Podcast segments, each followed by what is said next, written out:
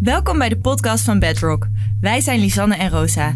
In deze podcast gaan we in gesprek met experts op het gebied van bewust en duurzaam leven. We zijn namelijk heel nieuwsgierig en gaan altijd op zoek naar de juiste mensen die ons meer kunnen vertellen. Daarom laten we in onze artikelen en in deze podcast graag de echte experts aan het woord over de onderwerpen die ertoe doen. Dit is Bedrock Talks.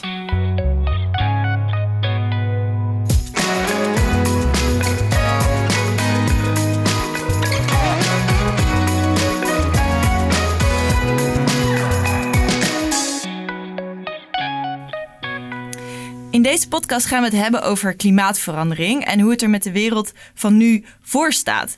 Uh, en als je nu denkt, nou, daar gaan we weer, no worries, want dit wordt een verhaal met hoop. Uh, en daarom hebben we ook een hele interessante gast uitgenodigd voor vandaag. Dat klopt, die zullen zo aan jullie introduceren. Uh, ja, het is uh, natuurlijk een feit. De wereldwijde temperatuur die stijgt.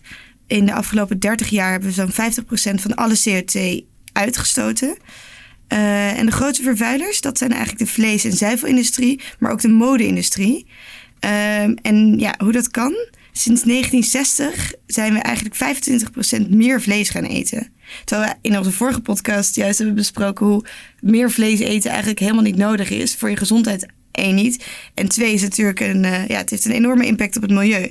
Ja, dat klopt. De productie van een biefstuk kost namelijk 4000 liter water. Uh, maar niet alleen vlees, want ook de zuivelindustrie heeft een grote impact. Voor 1 kilo kaas heb je bijvoorbeeld zo'n 10 liter melk nodig om het te produceren. Uh, als je hier dus ook meer over wil weten, we hebben op Bedrock een heel mooi artikel staan uh, over de impact van melk specifiek op het milieu. Klopt, die is vorige week online gedaan op Wereldmelkdag. nou, in de afgelopen 140 jaar is, is de temperatuur ongeveer zo'n graad gestegen. Nou, dat klinkt eigenlijk maar als een heel klein verschil als je het zo zegt, maar toch heeft dat een enorme impact uh, op het klimaat.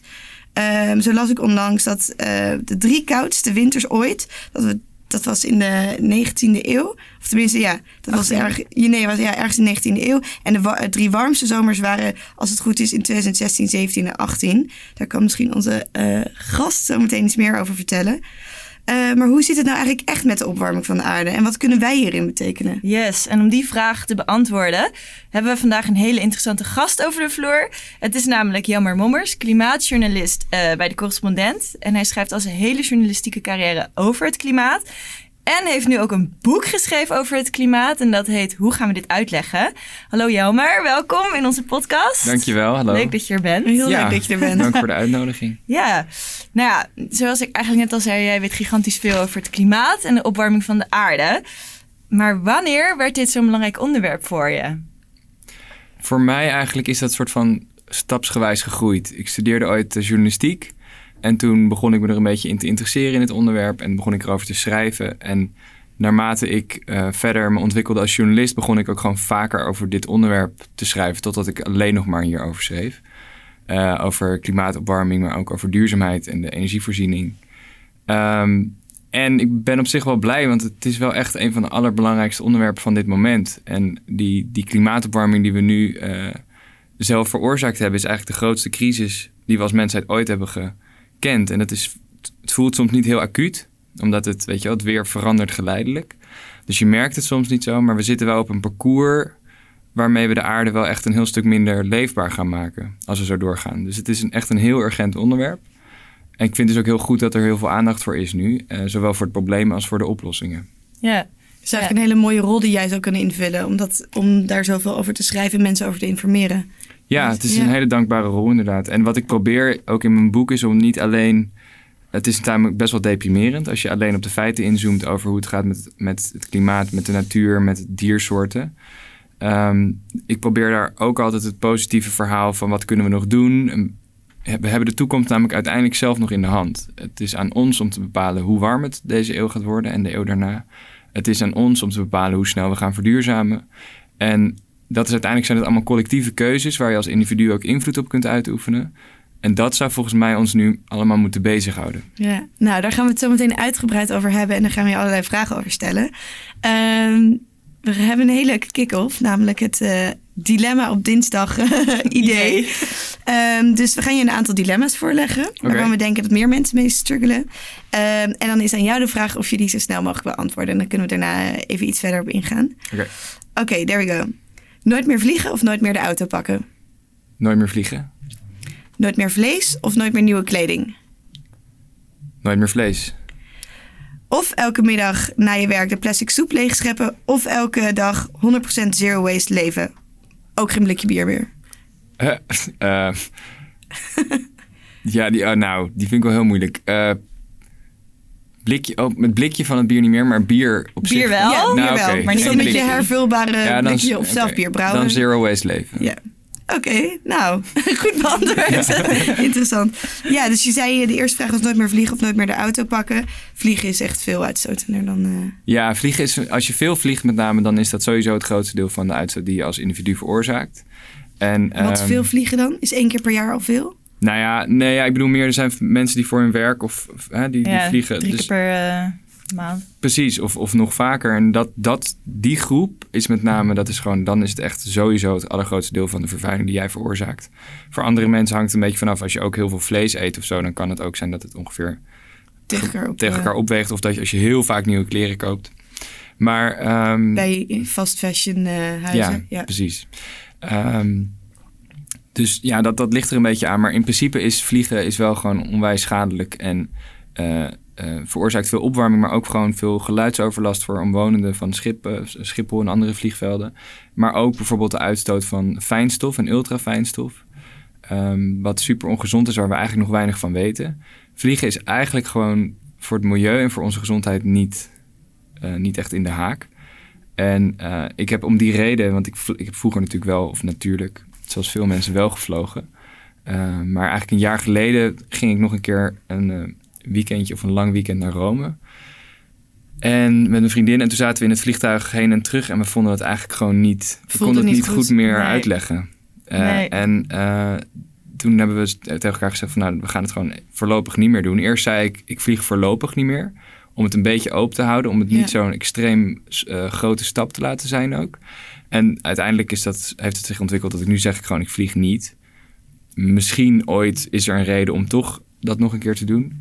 Maar in principe eigenlijk tot nu toe kost het ook niet zo heel veel moeite. Je kan ook in Europa op vakantie op een hele toffe Europa manier. is Zeker prachtig, weten. ja. Ja. Ja.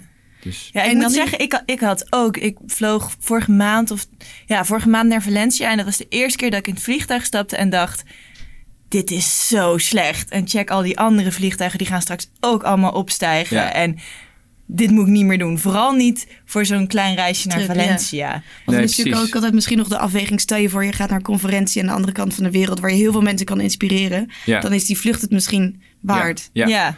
Ja, nee, dat Ja. is dat, daar kan eigenlijk, eigenlijk iedereen alleen maar zelf een afweging in maken. Ja. Maar wat wel, wat wel lastig is van dit onderwerp en überhaupt, is dat wij kunnen in onze eigen, eh, zeg maar, in onze eigen invloedssfeer afwegingen maken. Dus wij kunnen zeggen van nou, eh, ik ga wat minder vliegen, maar omdat ik dat doe, ga ik dan wat meer vlees eten, want ik doe al iets. Maar het vervelende van dit onderwerp, en dat maakt het ook zo afstotelijk op een bepaald niveau, is dat het klimaat heeft er geen enkele boodschap aan. De Nee. totale uitstoot moet dalen. En we kunnen dus wel zeggen van nou, ik ga in mijn eigen leven ga ik aan dat schuifje, gaat dat naar beneden. En dat van dit ga ik wat minder doen en dat wat meer. Maar uiteindelijk, eigenlijk bij al die of-of vragen die je net stelde, moeten we kiezen voor En, het, het hele duurzaam. Het is Allebei, en, ja. en, en, Ja. en. ja. En dat voelt heel veel eisend en misschien een beetje irritant voor sommige mensen. Van, oh ja, dat moet alles veranderen. Wat, eh. Maar volgens mij is juist het leuke ervan is dat het een vorm van vooruitgang is. Dat als je op een gegeven moment in een wereld terechtkomt waar als je de dingen gaat doen die je leuk vindt, op vakantie gaan, eh, inderdaad een mooi, een mooi nieuwe kleren kopen of wat je eigenlijk ook doet, dat je daar dan niet het schuldgevoel bij hoeft te hebben wat er nu wel omheen hangt. ja. Dus daar gaat het eigenlijk om. Ja. Ja. En het mooie is dat er ook natuurlijk, ik bedoel, je mag prima dan nieuwe kleding kopen, maar koop, ga voor een duurzaam merk. Ja. Kies duurzame En ook, producten. denk ik, heel erg wees je bewust van wat je koopt Ja. en wat je eet. Ja. En dan wordt die afweging misschien ook vanzelf wat natuurlijker, wat jij nu ook hebt met vliegen bijvoorbeeld. Ja. Dat Ja. het gewoon op een natuurlijke manier gaat. Ja, Oké, ja. ja. en eh, eigenlijk deze vraag ligt natuurlijk wel dik bovenop. En je zei het net ook al, jij vliegt niet meer. Of in ieder geval voorlopig dan niet meer.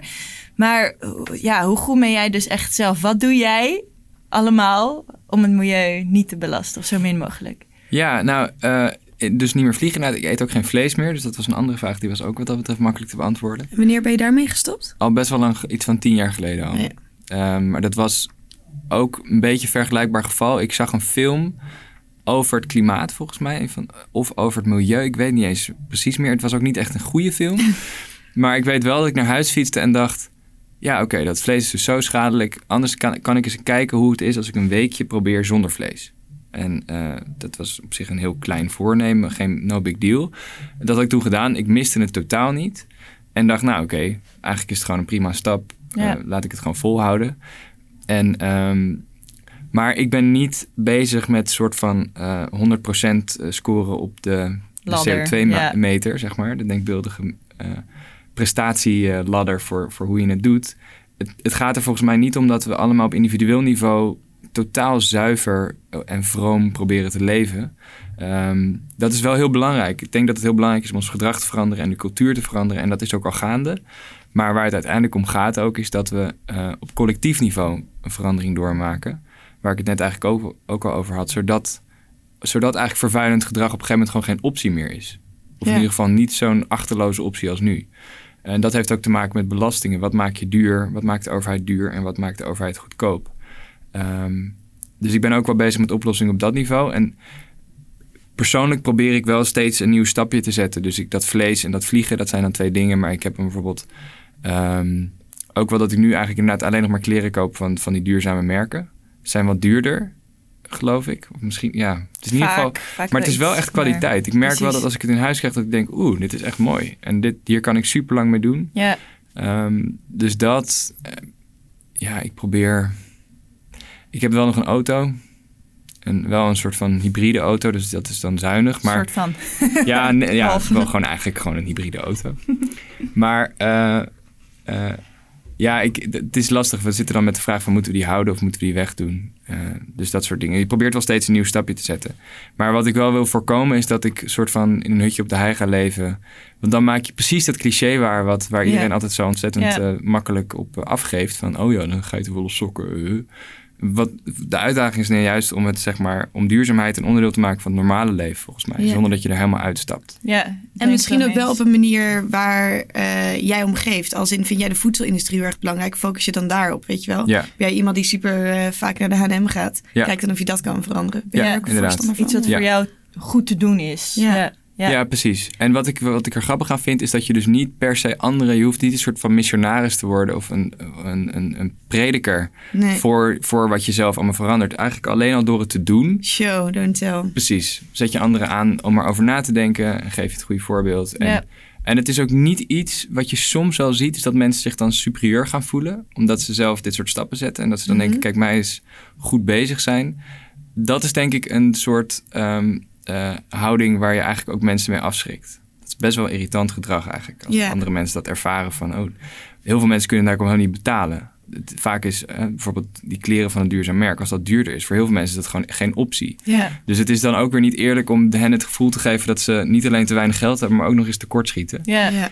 Dus Beetje daar, arrogante ja. houding dan. Ja, dat is het risico. Ja. Dus daar Ja. moeten we denk ik een beetje voor waken. Ja. Ja. en dat je ook andere interessante opties biedt als tweedehands kleding kopen of zo in dit geval dan. Ja, precies. Ja, Ja. helemaal interessant. Net in de intro vertelde jij dat ehm, het ook niet de bedoeling is dat je je schuldig gaat voelen. Dat is ook iets wat je wil voorkomen. Hoe zou je dat kunnen doen? Als je dan toch in je achterhoofd weet, oh ja, dit stukje vlees is slecht, maar ik wil ook niet 100% eh heilig Ja. leven in die zin. Ja, ehm, ik, vind het een lastig. Ik denk je best doen voor zover je kan. Maar wel wat we wat met z'n allen denk ik beter moeten gaan doen, is, is ons beseffen dat, dat bepaalde dingen gewoon wel echt eh, eigenlijk niet meer kunnen. En we kopen steeds ehm, tijd. We, eigenlijk, hoe zeg ik dat? We, we bouwen eigenlijk een steeds grotere schuld op met z'n allen. We leven op de pof. Want die grenzen van het milieu, van, van het klimaat, die zijn eigenlijk al lang bereikt. We hebben eigenlijk al best wel veel uitgestoten. En daar lopen we al door het risico dat we een soort van gevaarlijke klimaatverandering ingaan de komende eeuwen. Ja. En ehm, iedere keer als wij dan zeg maar daar nog een extra schepje bovenop doen, dan wordt het probleem voor onszelf en voor onze kinderen en voor de mensen die daarna komen groter. Eh, dus ja, dat, dat besef, volgens mij, als we dat laten doordringen, dan gaan we ook anders kijken naar hoe we ons gedragen en eh, eh, zullen we misschien sneller grotere stappen zetten. Ehm, en dat schuldgevoel, dat kunnen we uiteindelijk alleen afschudden als we echt met z'n allen een verandering hebben doorgemaakt. Als de samenleving dus. er ander, anders uitziet. Ja. Ja. ja. Hey, en wat is hierin, denk je, het, het grootste probleem? Is dat misschien dat we met z'n allen gewend zijn geraakt aan bepaalde producten? Als in denk aan olie, gas, dat Mhm. soort dingen. Is dat het? Is dat, eh, Eh, ja, dat zou je kunnen zeggen. Ja, op zich, we hebben een soort van systeem opgebouwd in vrij korte tijd eigenlijk. Toen we begonnen met olie, gas en kolen. Extreme luxe voor een klein, vrij klein, klein deel van de wereldbevolking. Wel een steeds groter deel. Steeds meer mensen die in de soort van de middenklasse terechtkomen. Heel fijn voor ze, voor ons allemaal. Maar de, ja, de, de, de ecologische voetafdruk daarvan is echt gigantisch geweest. Eh, en vol- volgens mij wat een van de grootste fouten is geweest... is dat we op een gegeven moment ons zijn gaan ontwikkelen... alsof wij geen rekening hoeven te houden met dingen als het klimaat... of met de natuur of de biodiversiteit. in de industriële revolutie was het allemaal, ja. Ja, we zijn op een gegeven moment zijn we precies een, een soort van eh, pad van ontwikkeling ingeslagen... waarin we ons zo bijzonder voelden als mensen... dat we dachten, wij hebben niets te schaften met eh, andere wezens... en dat, ja, hoe, hoe, het, hoe hun lot... eh, wat hun lot wordt, dat is eigenlijk niet ons probleem. Ja. En die houding is denk ik in de kern... ligt die ten grondslag aan waar we nu zijn beland. Wisten we dat toen, denk je? Wat de gevolgen zouden zijn van het opbouwen van wat we inmiddels allemaal hebben? Nee, Nee. ik denk het niet. Dus in die zin ben ik ook niet van, van sommige mensen die hebben die zeggen, eh, die hebben een soort van het idee dat er kwaadaardigheid is geweest of zo in onze geschiedenis. Dat we een soort van slechte wezens zijn. En dat, we, dat, we, dat het ons niks kan schelen, weet je wel. En dat, we, dat, dat hem eigenlijk het in de mens zit om de natuur bijvoorbeeld kapot te maken. Dat het niet anders zou hebben gekund dan we nu hebben gedaan. En dat geloof ik absoluut niet. Nee. Dat denk ik ook niet. Nee, Nee. zeker niet. dat Dus is ook het interessante in jouw boek. Er is hoop. Ja, precies. ja, Ja, interessant. En Ja. wanneer zijn we er dan wel achter gekomen dat, dat dit bestaat? Als we toen niet wisten toen we het allemaal begonnen. Eh, ja, dat is eigenlijk ook stapje voor stapje gegaan. En ehm, als we het specifiek over klimaatopwarming hebben, eh, daar werd in de 19e eeuw al onderzoek naar gedaan. En toen waren er ook de eerste experimenten waarin dan de broeikasgassen, zoals CO2 en methaan, eh, werden geïsoleerd eigenlijk van anderen. En dan gingen ze kijken, gingen wetenschappers kijken van hoe gedragen die gassen zich nou? Wat maakt ze anders dan bijvoorbeeld zuurstof, wat ook in de lucht zit? Ehm, je moet je eigenlijk voorstellen, de dampkring rondom de aarde, dat is een heel dun schilletje waar gassen in zitten. En eigenlijk alles wat er hier op aarde gebeurt, gebeurt in dat schilletje. Dus de hele menselijke geschiedenis, alle dieren die ademhalen, alle uitlaatgassen uit onze auto's, alle, alle toffe dingen die je ooit meegemaakt, die speelden zich af in dat schilletje van lucht. En eh, broeikasgassen zijn gassen die zitten van nature in dat schilletje. Dat is maar goed ook, want daardoor is het hier leefbaar. Maar wij verhogen de concentratie ervan. Dus wij, wij stoten meer CO2 uit, meer methaan. En daardoor stapelt zeg maar, dat soort gassen zich op in de dampkring en daardoor wordt het warmer. Dus zo werkt het eigenlijk. En dat werd in de 19e eeuw werd dat voor het eerst een beetje gezien. En dat is in de 20e eeuw steeds verder uitgewerkt. In de jaren 60 en 70 begon die wetenschap zich echt goed te ontwikkelen. In de jaren 80, eind jaren 80, zo ongeveer 1989, wisten we eigenlijk wel echt ongeveer zeker dat mensen het klimaat aan het veranderen waren. Wisten we toen ook wat de oorzaken daarvan waren, allemaal al? Ja, dat was vrij duidelijk dat de, bijvoorbeeld de oliebedrijven wisten ook toen al dat zij door het opgraven van olie eigenlijk koolstof uit de grond haalden. En dat, is het, eh, dat zit in CO2, zeg maar. Ko- CO2 is een afgeleide product van koolstof. Ehm, ik hoop niet dat ik het nu te technisch maak, maar in, in ieder geval, ze wisten gewoon dat, eh, dat zij die, die spullen uit de grond haalden en dat daardoor het klimaat zou veranderen. Dat wist ook iedereen in de wetenschap, dat wisten overheden ook. En het was ook meteen duidelijk, toen het allemaal op de kaart kwam te staan, was duidelijk, oké, dit zou wel eens hele ernstige gevolgen kunnen hebben op de langere termijn, want het is nooit direct eh, rampzalig, zeg maar.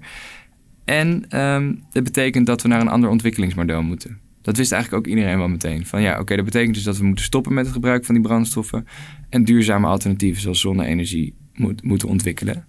Ehm, en eh, dat hebben we toen inderdaad wel een beetje gedaan. Die, die alternatieven die hebben we nu. Maar er is ook wel, zeker in de politiek en in het bedrijfsleven, heel veel eh, uitstelgedrag geweest. En heel veel soort van een beetje sussen of zelfs twijfel zaaien over die wetenschap. Ja. Waardoor het eigenlijk allemaal veel te lang duurt. En het gaat zo dat? langzaam. Hoezo was er die twijfel en hoezo gingen ze dat sussen?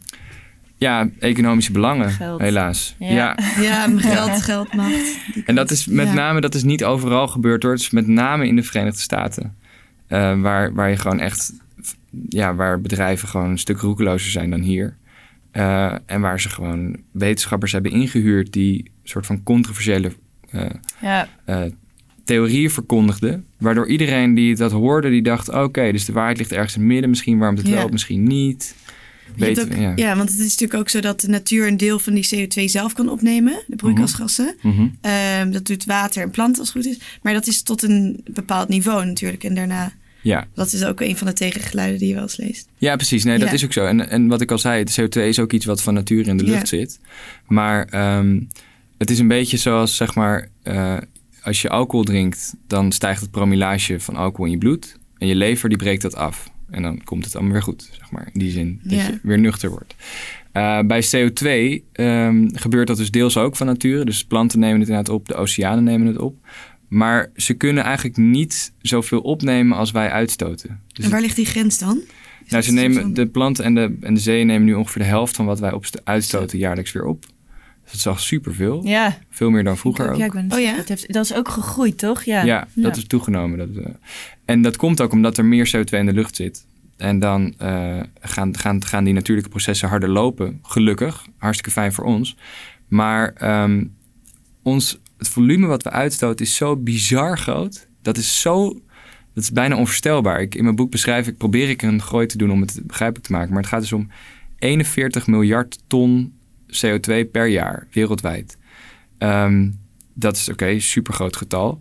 Ja. Eh, als je, ik, ik heb een vergelijking gezocht, zitten rekenen. Als je alle personenauto's in Nederland op een weegschaal zou zetten, dan zou dat 0,01 miljard ton wegen. Nee. Oh. Dus zoveel, dus 41 tegen 0,01. Ja. Dat zijn die auto's dan. Het is wel mooi om een beelden te maken. Ja, ik denk dat iedereen ja. dan wel denkt, wat? Ja, het is zoveel. Ja. En dat is dus gewoon gewicht. Hè? Het gaat niet om volume. Het gaat om, we stoten daadwerkelijk gewoon zoveel CO2 uit. En daarmee veranderen we dus het klimaat eh, behoorlijk ingrijpend. En het zal dus ook echt... Het, het is niet zo dat dat op een gegeven moment weer stopt. Dat als je dan stopt met CO2 uitstoten, dat dan het probleem meteen is opgelost. Want die CO2, dat gaat om die concentratie in de dampkringen. Die, hangt, er al. Ja. En dat werkt dus ook, die, die zeeën en die oceanen of, eh, en die planten die- en die bomen, die zullen het blijven opnemen. Maar het duurt heel lang, echt duizenden jaren, voordat we weer terug zijn in de situatie van voordat wij die dingen begonnen uit te stoten. Dus dat is, dat is iets waar we, waar we sowieso mee zullen moeten leren leven. En eh, eh, de gevolgen van die opwarming die manifesteren zich dan weer op hele verschillende manieren. Eh, het, het, het, het kan, eh, aan één, één voorbeeld is bijvoorbeeld dat ehm, ijs smelt als het warmer wordt. Nou, dat is vrij logisch. Eh, daardoor stijgt de zeespiegel. Eh, een ander gevolg is dat het op droge plekken vaak nog droger wordt. Omdat er meer water verdampt als het warmer is. Ehm, je kunt ook bijvoorbeeld... eh, je, hebt, je ziet nu de afgelopen week, nu we dit opnemen, echt extreem, extreme regenbuien in Heel Nederland. tropisch. Echt Ja. tropisch. Nou, Ja. precies, zo zeg je het al. Dat komt er door warmte. Ja. Een warme lucht kan meer waterdamp vasthouden dan koude lucht. Dus in een warmer klimaat heb je meer van dit soort bizarre stortregens eigenlijk. Het voelt echt tropisch. En dat brengt dan weer, en dat is een beetje het probleem van dit, van dit klimaatprobleem, is dat het steeds nieuwe gevolgen met zich meebrengt. Dus die stortregens, die zorgen bijvoorbeeld, die kunnen zorgen voor overstromingen. Maar ze zorgen er bijvoorbeeld ook voor dat oogsten kunnen mislukken. Ja. En daardoor stapelen die gevolgen zich op. Dus het is heel moeilijk om van een specifiek gevolg te zeggen... ah, zie je wel, dit heb je, dit hebben wij, dit, precies dit hebben wij veroorzaakt.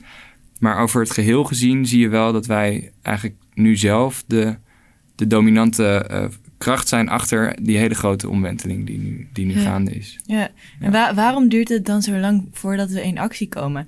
Ik bedoel, vooral de laatste twee jaar merk ik het heel erg. De afgelopen zomer was bloedheet, nu hebben we allemaal stortbuien. Ja, Iedereen merkt het nu ook echt, zou je zeggen. ja, En toch, toch gebeurt er nog weinig. Zeg maar ja, Ja. ja. je ziet het nog niet direct misschien. Maar... Nee, dat is het. Dat gevolg, of die gevolgen, die stapelen, die, die merken we nu, beginnen we nu te merken. Tegelijkertijd zijn er nog steeds mensen die zeggen er is niks aan de hand. Dus dat is aan de ene kant verwarrend. Dat lijkt me een reden waarom veel mensen nog steeds denken van nou, oké, het zal mijn tijd wel duren. En die verandering die nodig is, is zo gigantisch dat het ook niet van vandaag op morgen kan. En ehm, gelukkig zijn er al heel veel veranderingen al wel ingezet. Dus die ontwikkeling van duurzame energie waar we het net over hadden, die is al ingezet. De zonnepanelen zijn superveel goedkoper geworden. Windmolens ook. Batterijen in elektrische auto's bijvoorbeeld worden ook heel snel goedkoper. Dus eigenlijk zijn er heel veel ontwikkelingen die de goede kant op gaan. En ehm, dat is eigenlijk het goede nieuws. Ja, En eh, waar het nu op aankomt voor ons allemaal, denk ik, is om die ontwikkelingen te versterken. Zodat Ja. dat systeem inderdaad sneller verandert. En wat is daarin dan, denk je, de rol van de overheden? Nou, die, Versus, moeten, ja, ja. Die, die, die, die, die kunnen de hele economie ah, bijsturen. Een overheid kan ze gewoon aan de knoppen draaien. Die kan zorgen dat de markten anders worden ingericht. Die kan, en dat is het belangrijkste denk ik, belasting heffen op CO2. eh, zodat vervuiling gewoon een prijs krijgt. En dan wordt het minder aantrekkelijk. En dan gaan de bedrijven die vervuiling veroorzaken, gaan andere opties zoeken. Gaat het gebeuren, denk je? Ja, het is. De vraag. Het, gebeurt al een beetje. Eerst bijvoorbeeld in Europa een, een CO2-prijs voor de industrie. Ehm, de vraag is: gaat het snel genoeg? En wordt die prijs hoog genoeg? Daar komt het dan op aan eigenlijk. En dat gaat alleen gebeuren als alle burgers, nou niet alle, maar een heel groot deel van de burgers stemt op partijen die dit super serieus nemen. Ja. En die gewoon hier nu actie op willen. En die niet. Er zijn super lang partijen geweest die dan zeggen: ja, duurzaamheid is belangrijk, maar de economie en de groei is ook belangrijk. En er zijn nog, andere, er zijn nog tien andere dingen belangrijk. En het komt er nu aan, op aan dat we partijen eh, kiezen, denk ik, die zeggen: dit is nu het belangrijkste. Ja. En die economische groei, dat is een. ik- snap wel dat sommige luisteraars zullen denken: ja, maar dat, we kunnen toch niet zonder groei. En we, we hebben toch ook hè, de, de bron van onze welvaart dan. Maar de enige zekere manier om alle welvaart die we hebben opgebouwd te verliezen, is door door te gaan op de huidige weg. Het is echt zo, volgens mij zo ernstig is de situatie. Ja. Die, die stortregels waar we het net over hadden, die mislukte oogsten, dat kost ook allemaal geld. Ja. Dus het, het is uiteindelijk, ehm, denk ik, gewoon ook een kwestie van wat vind je belangrijk. Ja. ja, volgens mij was het volgens mij in een podcast van de Rudy en Freddy show dat ze het de vergelijking maakten met, het, eh, met de oorlog. Mhm. Dat ik denk toen, maar dat is heel tastbaar. Ik bedoel, je wordt direct aangevallen door Ja. een poppetje, laat ik het maar zo zeggen. Ehm, dus dan is het heel erg van, oké, we moeten dus ook nu direct actie nemen. En dit is heel ongrijpbaar nog. Maar ja, Ja. ik, ben, ik vind het ook. Ik denk ook dat de echte situatie... Waarom focussen we nog ergens anders op als straks de wereld vergaat? Dat Ja. idee. Precies. En aan ja. de ene kant is het toch ook, ook al best acuut. Als in, ehm, vorig jaar hebben we een hele droge zomer gehad. Daar hebben ook al best wel boeren last van gehad, toch? Zeker, Ja. ja. Dus dat is, Ja. ja. Dat is hartstikke taai voor ze. En heel, ze hebben heel veel geld verloren. En je ziet nu nog steeds in de natuur zie je bomen die het eigenlijk niet, die deze, die deze, dit seizoen eigenlijk niet groen worden. Ja. Ehm, maar het is best wel moeilijk om al die gevolgen te overzien. Maar we weten zeker dat het allemaal aan de hand is. In Ja. India hebben de afgelopen week was een hittegolf. Waar gewoon tientallen mensen zijn overleden door die extreme hitte. En dat is uiteindelijk, en daarom is het uiteindelijk dus een best wel een deprimerend onderwerp, helaas. Is eh, die gevolgen die zijn er al. En die worden eigenlijk heftiger, dat weten we vrij zeker. Ja. Dus de vraag die we onszelf moeten stellen is: hoe ver laten we het komen? Ja, en als we dan, het een beetje een negatieve vraag hoor, maar misschien ook wel nodig om een bepaalde noodzaak te creëren. Van, je hebt net al een paar gevolgen genoemd, van wat als er nu niks verandert of niet snel genoeg. Mhm. Eh, je noemde net al het stijgen van, stijgen van de zeespiegel, het wordt warmer. Ehm, dat is misschien een, het begin van de bal die gaat rollen. Mhm. Maar wat zullen de uiteindelijke concrete gevolgen kunnen zijn voor mensen hier in Nederland bijvoorbeeld, die hier naar luisteren? Ja, nou bijvoorbeeld hitte vind ik wel een goed voorbeeld. Ehm, Zo'n gemiddelde temperatuurstijging van 1 graad, die zorgt er eigenlijk al voor dat eh, hittegolven, dat alle dagen worden warmer eigenlijk gemiddeld. En hittegolven komen vaker voor. En dan zie je dus ineens uitschieters die je, die niet verwacht als je denkt, oké, we hebben gemiddelde opwarming mondiaal van 1 graad. Dan verwacht je niet dat dat heel veel verschil maakt tijdens de zomer, zeg maar. Maar dat is dus wel het geval. Een, hittegolf kan echt veel extremer worden. Dat is ook aan de hand. Ze worden intenser, ze duren langer. En ehm, als dat doorgaat, dan kun je dus op een gegeven moment situaties krijgen waarin het zo warm is dat je eigenlijk eh, bijvoorbeeld niet meer buiten kan sporten. Of dat mensen die buiten op het land moeten werken, landbouwbedrijven, dat die eigenlijk gewoon dat het gewoon te warm is. Ehm, vorige zomer, toen het zo heet was, waren er bijvoorbeeld al ehm vuilnisinzamelaars die gewoon flauw vielen. Jeetje. Ja. Eh, En dan heb je natuurlijk ook de mensen die zeggen: Oké, nou lekker een paar graadjes warmer in Nederland kan geen kwaad. Stiekem Ja. zei ik dat ook. Ja, nee, ja, Maar en dan, ja. zeg maar, ja, er zijn natuurlijk nog meer indirecte gevolgen uiteindelijk. Misschien bijvoorbeeld een ecosysteem dat eh, niet meer naar behorens werkt. Ja, Heb nee. je daar een soort voorbeeld Ja, van? Nee, zeker. Dat, eh, nou ja, bijvoorbeeld eh, de opbrengst in de landbouw lopen terug. Ehm, de muggen die ehm, malaria en eh, dengue verspreiden, Oh ja. die kunnen hun leefgebied vergroten, want die, die wordt hier warmer.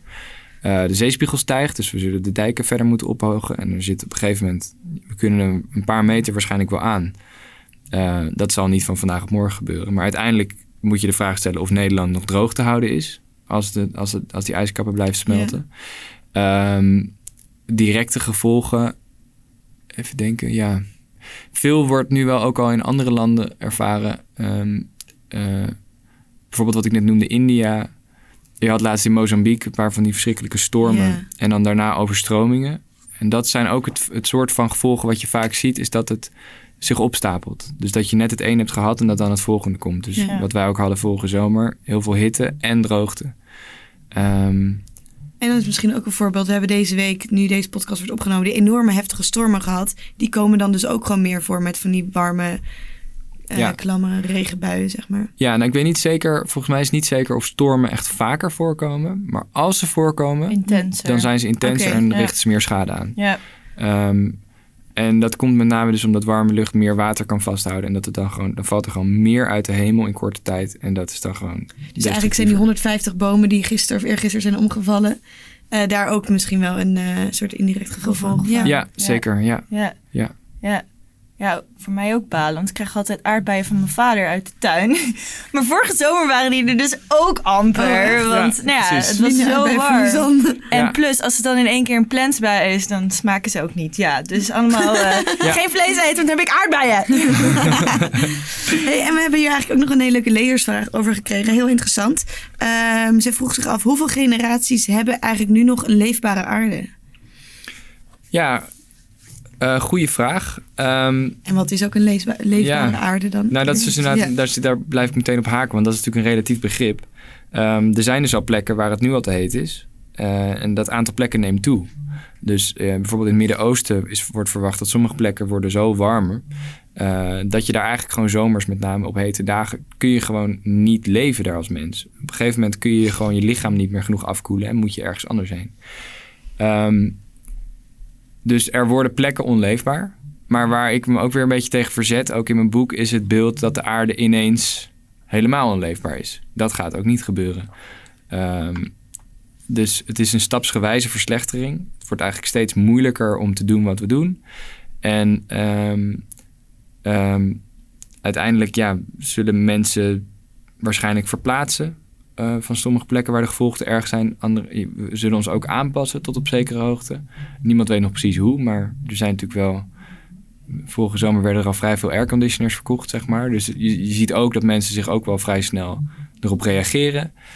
En ehm, uiteindelijk wordt het een soort mengeling van aanpassen, voorkomen en helaas de gevolgen gewoon ondervinden. Menselijk lijden als gevolg daarvan. Ja. Ehm, en het is aan ons om die verhouding te bepalen. En, En- kan, het weer, kan het weer afnemen? Zeg maar, stel, stel nu alle CO2 is er niet meer en dan, dan gaan de ijskappen weer aansterken. En, Ja, nou dus niet direct vanwege die CO2 dat die zo lang blijft hangen, maar uiteindelijk wel. Ja. Ja. Dus dat is het wel het goede nieuws. Wij bepalen het zelf. Dat die CO2, eigenlijk zou je elke dag op de krant, op de voorpagina staat de temperatuur van de dag, het weer. Eigenlijk zou daar de CO2-concentratie naast moeten staan. Die Als is nu iets, motivatie. ja. ja, zo van, nou jongens, dit is waar we nu zitten met z'n allen. ja. Ja. En het, wat ik daar mooi aan vind, is ook dat het de hele wereld verbindt. Dat die waarde, dat is een gemiddelde voor de hele dampkring. Ja, Eh, dus het is iets wat ons allemaal met elkaar verbindt. Ja. ja, het is iets wat iedereen bezighoudt. En om nog even terug te komen hoor, op de lezersvraag. Eh, Zij vroeg dus hoeveel generaties hebben we dan nog, zeg maar? Hoe, hoe, hoe snel gaan we die veranderingen merken, zeg maar? Jij zegt dus het gaat eigenlijk gewoon gestaag. Dat is, Ja, en, en soms zal het zeg maar lokaal heel ontwrichtend zijn. Ja. Bijvoorbeeld een overstroming lokaal of een, eh, eh, een dijkdoorbraak of iets, iets van die aard. Waardoor je ineens denkt, jezus wat erg allemaal en we hebben het zo ver laten komen. En heel veel andere dingen zullen stapsgewijs gaan en zullen sommige mensen niet eens merken. Ehm, maar alles bij elkaar wordt de wereld gewoon een heel stuk minder eh, vriendelijk voor onze soort. We komen op een ruigere planeet terecht. Dus misschien dat we over een paar honderd jaar niet meer in Nederland kunnen wonen, omdat Nee. de zeespiegel gewoon zoveel is gestegen. Ja, daar lijkt het helaas Onze op. kleinkinderen of eh, weet ik veel. Ja, en dat is eigenlijk nog een soort van hiaat in mijn boek. Ik heb eigenlijk niet heel erg goed gekeken. Of ik, ik heb daar gewoon nooit erg veel onderzoek naar gedaan van precies de gevolgen van zeespiegelstijging voor Nederland. Een collega van me is dat nu wel aan het doen en dat is niet echt om vrolijk van te worden. Nee? Als die zeespiegelstijging tegenvalt, in de zin dat het sneller gaat dan we nu denken, eh, dan op een gegeven moment kun je dat met dijken niet meer Het gaat echt aan. om tientallen meters, toch? En op, Uiteindelijk, ja. in hoeveel jaar? Nou ja, tientallen meters, dat is dus echt een- over, Over- een periode van millennia. Oh ja, oké. Ja, Maar eh, het kan wel met een paar meter per eeuw ja. stijgen. En, en ehm, bijvoorbeeld onze deltawerken zijn gemaakt voor 45 centimeter. Ja. En dat heeft ons 30 jaar gekost om die aan te leggen. Uh, dus je moet je nagaan wat een gigantische operaties er nodig gaan zijn. Gewoon Ja. enorme infrastructuurprojecten. Super veel geld kosten. En daarom word ik soms ook een beetje woedend van, van die politici die doen alsof klimaatbeleid te duur is. Ja. Denk even na. Ja, Kom op zeg. kijk Ja. even een stapje verder. Ja. Ja. Niet alleen voor deze generatie, maar ook Ja. daarna, ja. Ehm, oh ja, ik vond het eigenlijk ook wel interessant. Ehm, ik las in een interview in de NRC met Esther Turnout. Zij is eh, hoogleraar bos- en natuurbehoud in Wageningen. Ehm, zij zei ehm, over de kwestie dus dat de biodiversiteit steeds kleiner wordt. Er zijn, eh, worden heel veel planten- en dierensoorten bedreigd. Wat zij zegt, de natuur kan het gevecht nooit winnen. Ehm, Help Best- us out. ja, Ja. best wel deprimerend natuurlijk. Maar Ja. jij hebt wel hoop. Ja, nou ja, in de zin van ik, in, dat we dus zelf onze toekomst schrijven. En dat wij zelf bepalen hoe warm het wordt. En dat we, maar wat ze zegt over de natuur. eh, in de huidige situatie, het parcours wat wij nu met z'n allen hebben gekozen, daarin kan de natuur het inderdaad niet redden. Want we, we belasten eh, haar gewoon te veel. Ja. Dus we, maken, we vervuilen te veel, we eh, nemen te veel ruimte, we kappen te veel bossen. Ehm, er, er wordt nog steeds gejaagd op bedreigde diersoorten. En dat, ja, alles bij elkaar kan de natuur. Maar goed, de natuur is dan een relatief begrip ook weer. Want specifieke soorten zullen daardoor sneuvelen. Dat gebeurt al, dat zal meer gebeuren. Maar de natuur, tussen aanhalingstekens, die overleeft uiteindelijk alles. ja. Het, gaat, het is niet dat het leven op aarde ineens gaat stoppen. Alleen de mens kan en de dieren erop kunnen misschien niet meer leven. Ja, Ja, of, of minder goed, of, of Ja. in kleinere aantallen. En dan wordt het gewoon heel naar hier. En daar Ja. gaat het uiteindelijk om. Het is niet... eh, eh, sommige mensen zeggen... Die, die doen dan als een soort van verlichte positie hebben... en zeggen dan... de aarde draait toch wel door. Dat hoor ik best wel vaak. Zo van, wat er ook gebeurt, de aarde draait toch wel door. Ja, maar daar gaat het niet om, hè? Gaan wij wel door. Ja, precies. Ja. En, en hoe gaan wij door? Ja. Daar gaat het om. Ja. En, en ehm, eh, ja, zo'n uitspraak heb je gewoon niet zo heel veel. Nee. En ehm, ik was eigenlijk ook wel naar, benieuwd eigenlijk naar de allergrootste mythe die er bestaat omtrent de klimaatverandering. Omdat het voor eens en altijd gewoon de wereld uit te helpen. Nou, misschien een algemene. Ik, ik merk dat klimaat en milieu vaak door elkaar gehaald worden. Dus bijvoorbeeld, eh, eh, ik heb vroeger wel eens gewoon, gewoon op straat of zo... als je iemand heel even kort spreekt, of mijn buren... of ik, ik heb niet iemand specifiek in mijn hoofd... maar dat mensen zeggen... eh, oh, daar, daar, daar slingert wordt afval, dat is ook niet goed voor het klimaat. En denk ik, hé, hey, wacht even. Oh ja. Klimaat gaat echt over broeikasgassen... en over opwarming. En, en wat we met plastic doen en plastic soep en ehm, eh, de uitstoot van zeg maar roet en fijnstof, dat heeft niet direct met het klimaat te maken. Dus dat onderscheid is denk ik belangrijk. Vaak is het op zich, ehm, komt het op hetzelfde neer hoor. Als je een auto uit de stad haalt, dan stoot hij geen CO2 meer uit en geen roet meer. Dus dat is gewoon vooruitgang op, op twee punten. Eh, maar ehm, het is, er zit wel een verschil in. En volgens mij moeten we dat soms wel even uit elkaar halen. Want als je de plastic soep aan het aanpakken bent, ben je niet het klimaat aan het redden. ja. Ja, precies. Maar wel de wereld uiteindelijk. Ja, wel de natuur Ja. aan het helpen, ja, zeker. De ja. leefbaarheid. Ja. Ja. En ehm, ik, ah, ik weet niet of jij kinderen hebt of ooit kinderen wil. Is ook niet duurzaam natuurlijk, kinderen Ja, schijnbaar. Ja. Maar eh, wat, in wat voor een wereld eh, gaan die opgroeien? Hou jij daar rekening mee? Ja, ehm, ik, ik, ik ben geen vader. Ik zou dat op zich wel willen worden ooit. Maar ehm, eh, ja, dat is een beetje waarom ik dit boek heb geschreven. Omdat ik me daar wel zorgen over maak. En ik heb in het boek ook verschillende scenario's geschetst. eh, gebaseerd eigenlijk op huidige ontwikkelingen. Heb ik gekeken van kan ik nou eens proberen te extrapoleren... en te schetsen hoe de wereld eruit zou zien in 2050. En ik kom er dus uit op twee varianten. Nou, dus op zich, dat zijn echt twee extreme. Dat is het scherp contrast. En één wereld is veel minder leefbaar geworden. En één wereld is eigenlijk veel duurzamer geworden. En mijn hoop is dus dat die tweede wereld er komt. En eh, daar zet ik me ook voor in. Ik denk dat heel veel andere mensen dat ook doen. En ehm, dan is het eigenlijk dan is het superleuk om kinderen te krijgen. Want dan kan je ze een heel tof verhaal vertellen. Ja. Ja. En dan kun je ook als, als je ooit eh, grootouder wordt, zeg maar, dan kun, je, dan kun je met trots navertellen over die grote wending die wij met z'n allen hadden gemaakt. Dat we door hadden dat er iets mis was en dat we toen ons aanpasten. Dat is een verhaal wat ik heel graag wil doorvertellen.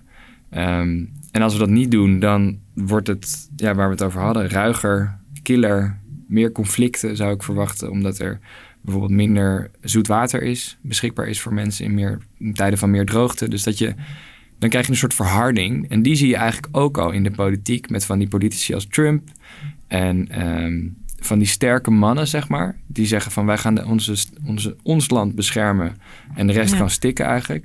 Die verharding zie je ook al. En ik zou verwachten dat dat erger wordt in een wereld die veel, veel meer opwarmt. Ja. Ja. Dat is dan wel handig als wij zo laag liggen. Kunnen we onszelf wel beschermen. Nee, ja, inderdaad. Hey, en Lisan, ehm, hou jij daar rekening mee? Dus stel je voor je wilt kinderen later. ehm, met hoe de wereld er straks uit gaat zien?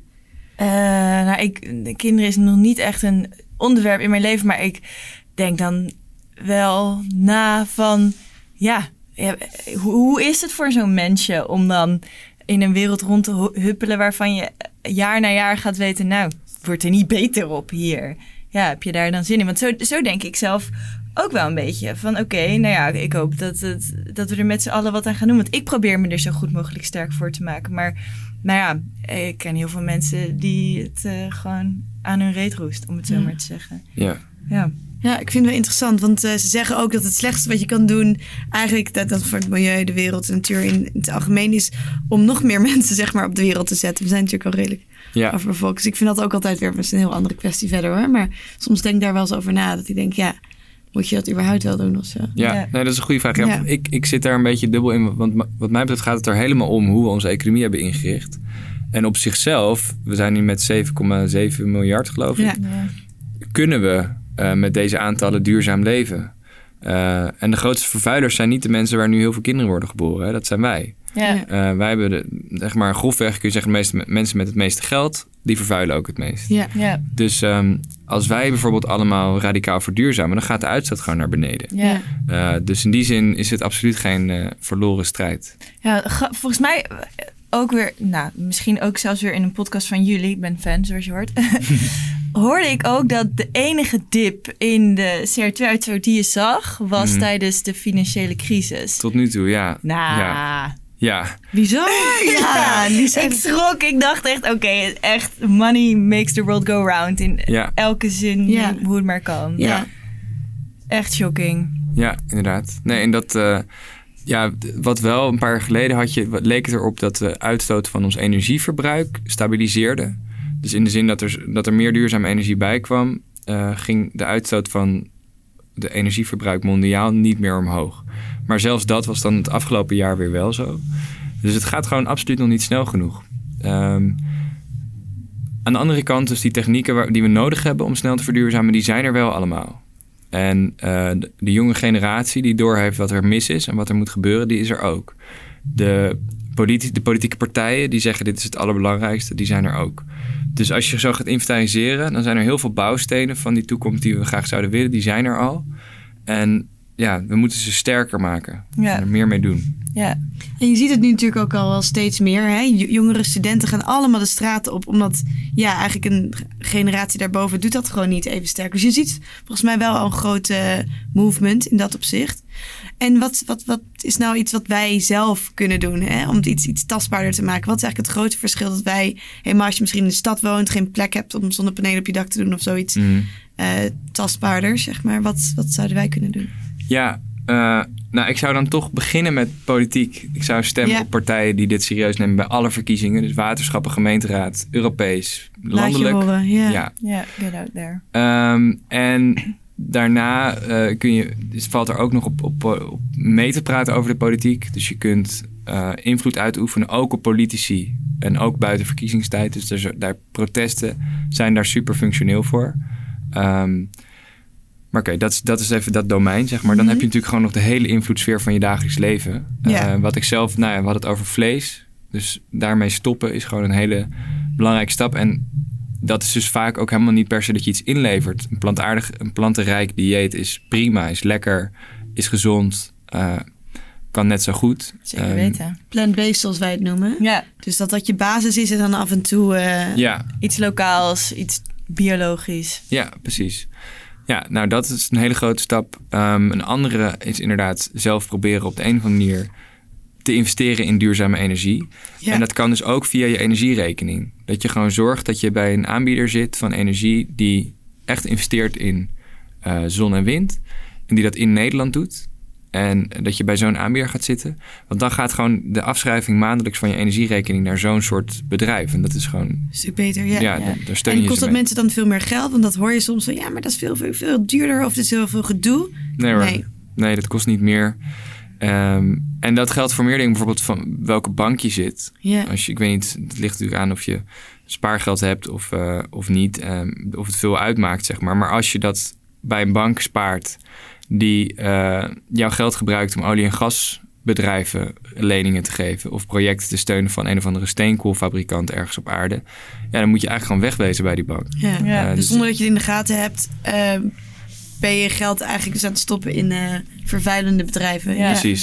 Dus dat is wel goed om je even in te lezen. Ja. ja, precies. En, en wat zeg jij tegen mensen die dan eigenlijk zeggen... ja, maar dat wat ik doe, dat heeft geen effect. Het zijn de overheden die, de, ja. die iets moeten fixen. Nou ja, daar weer en, en, en. Iedereen moet iets doen en eh, kan ook iets doen en de basis ervan ligt er al.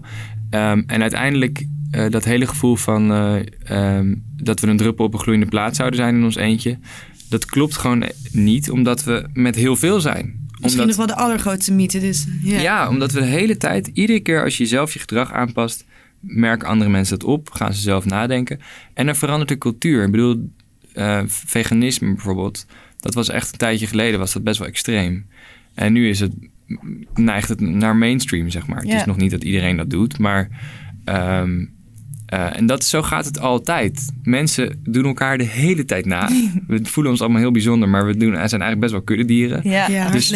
Ja, dus we kunnen ook daardoor best wel invloed hebben. Door Ja. als we zeggen van nou, maar ik ga mijn gedrag veranderen, want ik vind dat we in de penarie zitten. En dat helpt. En ehm, eh, uiteindelijk tellen al die acties bij elkaar. En je hoeft ook niet eerst met z'n allen te zijn voordat je een verschil kan maken. Dus als je kijkt naar grote politieke veranderingen in de geschiedenis, bijvoorbeeld de invoering van het eh, stem, stemrecht voor vrouwen, dat kwam er niet omdat alle vrouwen daarvoor op de straat op gingen. Het was gewoon een groep, een, een, een significante groep, maar iets van 5% van de bevolking, die zei: dit moet anders. En die dwongen dat gewoon af. En dat kan. Dus in die zin zijn we ook best wel machtig, ook al zijn we met een, misschien een relatief kleine groep, maar wel een groeiende groep.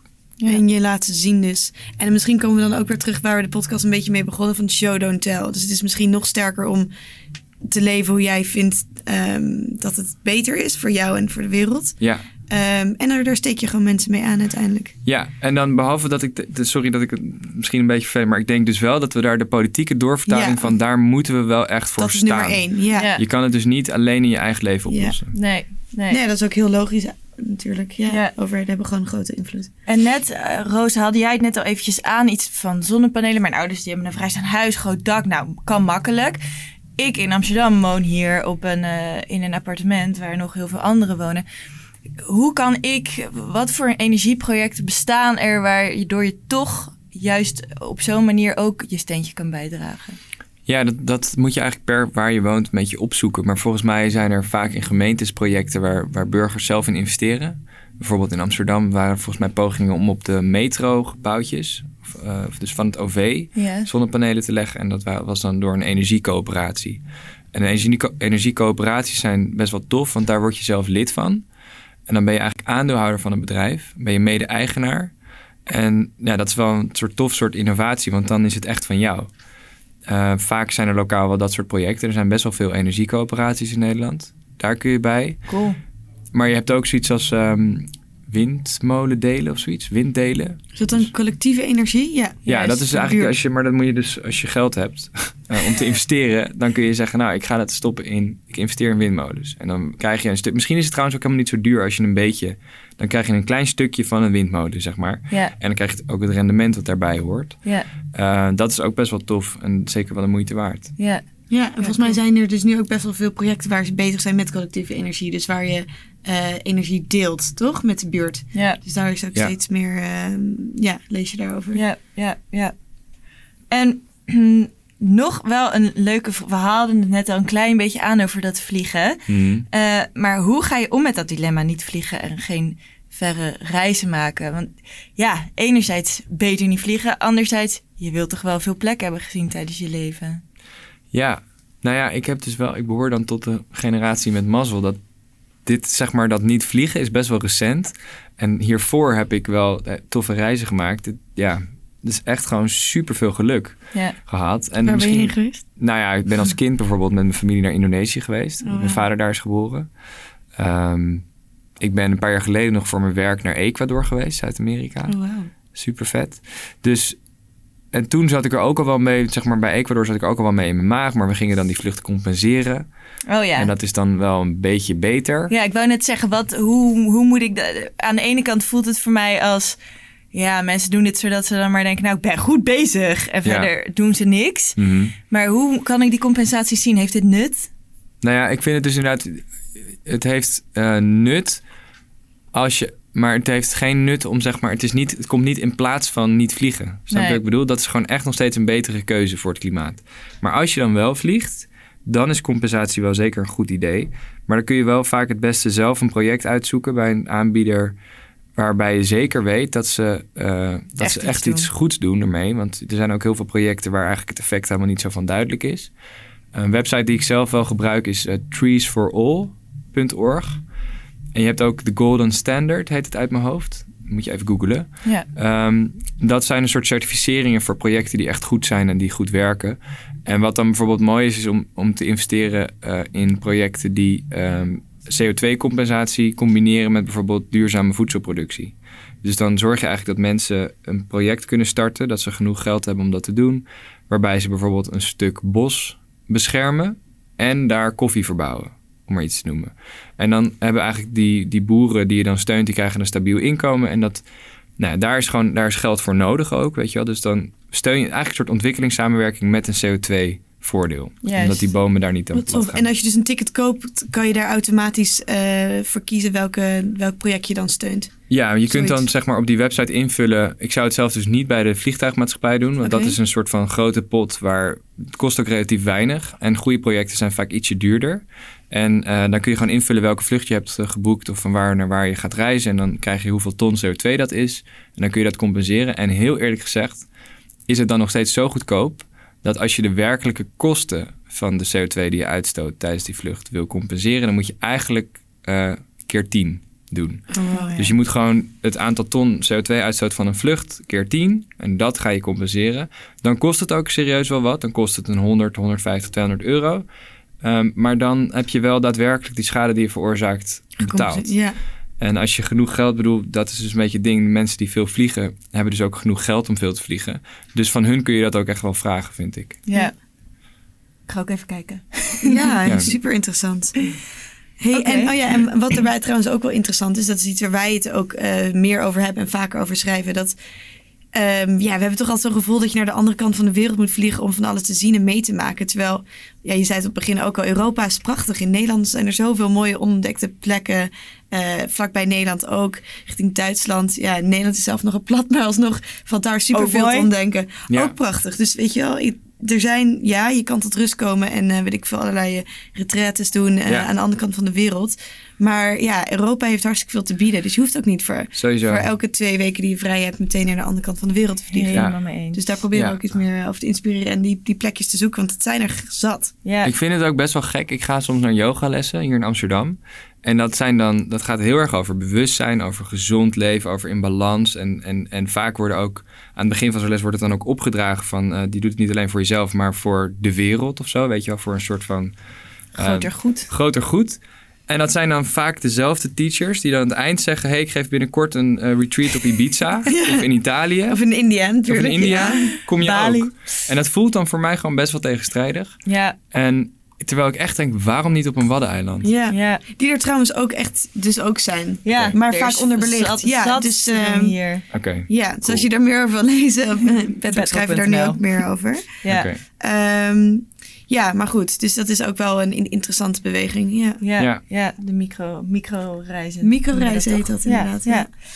Oké, heb jij nog eh, prangende vragen, Roos? Nou, ik denk dat de grootste, de grootste vragen en zijn wel eh, beantwoord zijn. Ja. Heb jij nog een prangende boodschap, Jammer? Nee, ja, nee, doe mee, zou ik zeggen. Ja. Tegen iedereen die luistert. Het is Ja. leuk Ja. namelijk om je ermee bezig te houden. Dan wordt Vind het, ik zelf ook. krijgt een heel ander gevoel dan als je het nieuws leest over wat er allemaal misgaat. Ja, er is Dus- genoeg wat je kan doen. Ja. Oh ja, en wat ik me nog wel afvroeg, is er een soort plek waar iedereen die nu denkt, oké, ik wil wat doen, ik wil eh, op groene energie, ik wil mee- meedoen aan projecten, is er een soort van plek, misschien online, waar mensen elkaar kunnen vinden, of een website waar er allerlei websites zijn, waar projecten op staan. Weet je, dat maakt het iets tastbaarder. Dus anders lopen we zo de deur weer uit en dan denk je, oh ja, Ja, Maar waar moet ik nu naartoe? Ja, waar moet ik naartoe? Weet je, is er een soort van, Ja. eh, of een platform, misschien jullie website of Facebook? Nou, Nee, ja, ik denk ja, energiecoöperaties, die moet je gewoon googlen. Eigenlijk is het voor specifieke dingen moet je gaan op zoek. Ja. Ik denk als je stadslandbouw interessant vindt, van hoe, kan je, hoe kun je lokaal beter voedsel eh, verbouwen, moet je daar, ik denk toch dat je het zelf moet zoeken.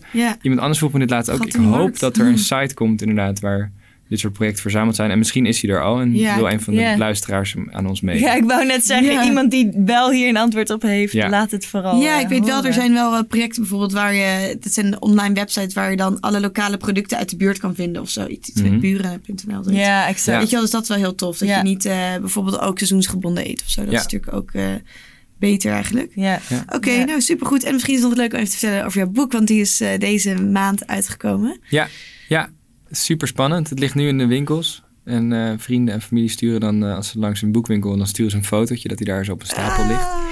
Dus dat is hartstikke tof. En eh, ehm, eh, ik ga nog een paar lezingen erover geven. En ja, ik hoop gewoon dat heel veel mensen het gaan lezen. Want het is wel, het, is wel het verhaal waar we het net over hadden, heb ik proberen zo helder mogelijk helemaal uit te Ja. leggen. Mhm. Dus eh, Ah, Ja. Fijn. Ja, ik ga ook met een goed gevoel weg. Er, er, er is hoop. De geschiedenis is Ja. nog niet geschreven. Precies. Die Absoluut. schrijven we zelf. Inderdaad. En Ja. wat je zegt, als we gewoon nu met z'n allen kaart ons best doen, dan kunnen we gewoon op een hele mooie aarde Ja.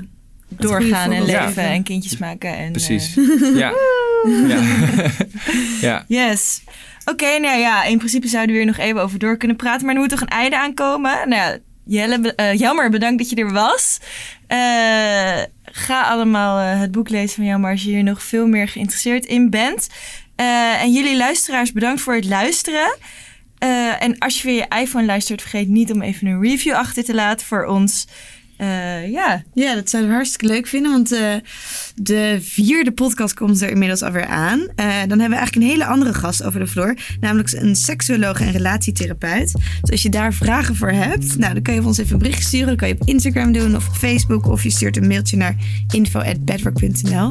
En dan Jelmer, heel erg bedankt. Hartstikke bedankt voor het delen van je mooie verhaal. ja, heel graag gedaan. En ja, we vertellen de boodschap graag door. yes. Dank jullie wel. Dankjewel.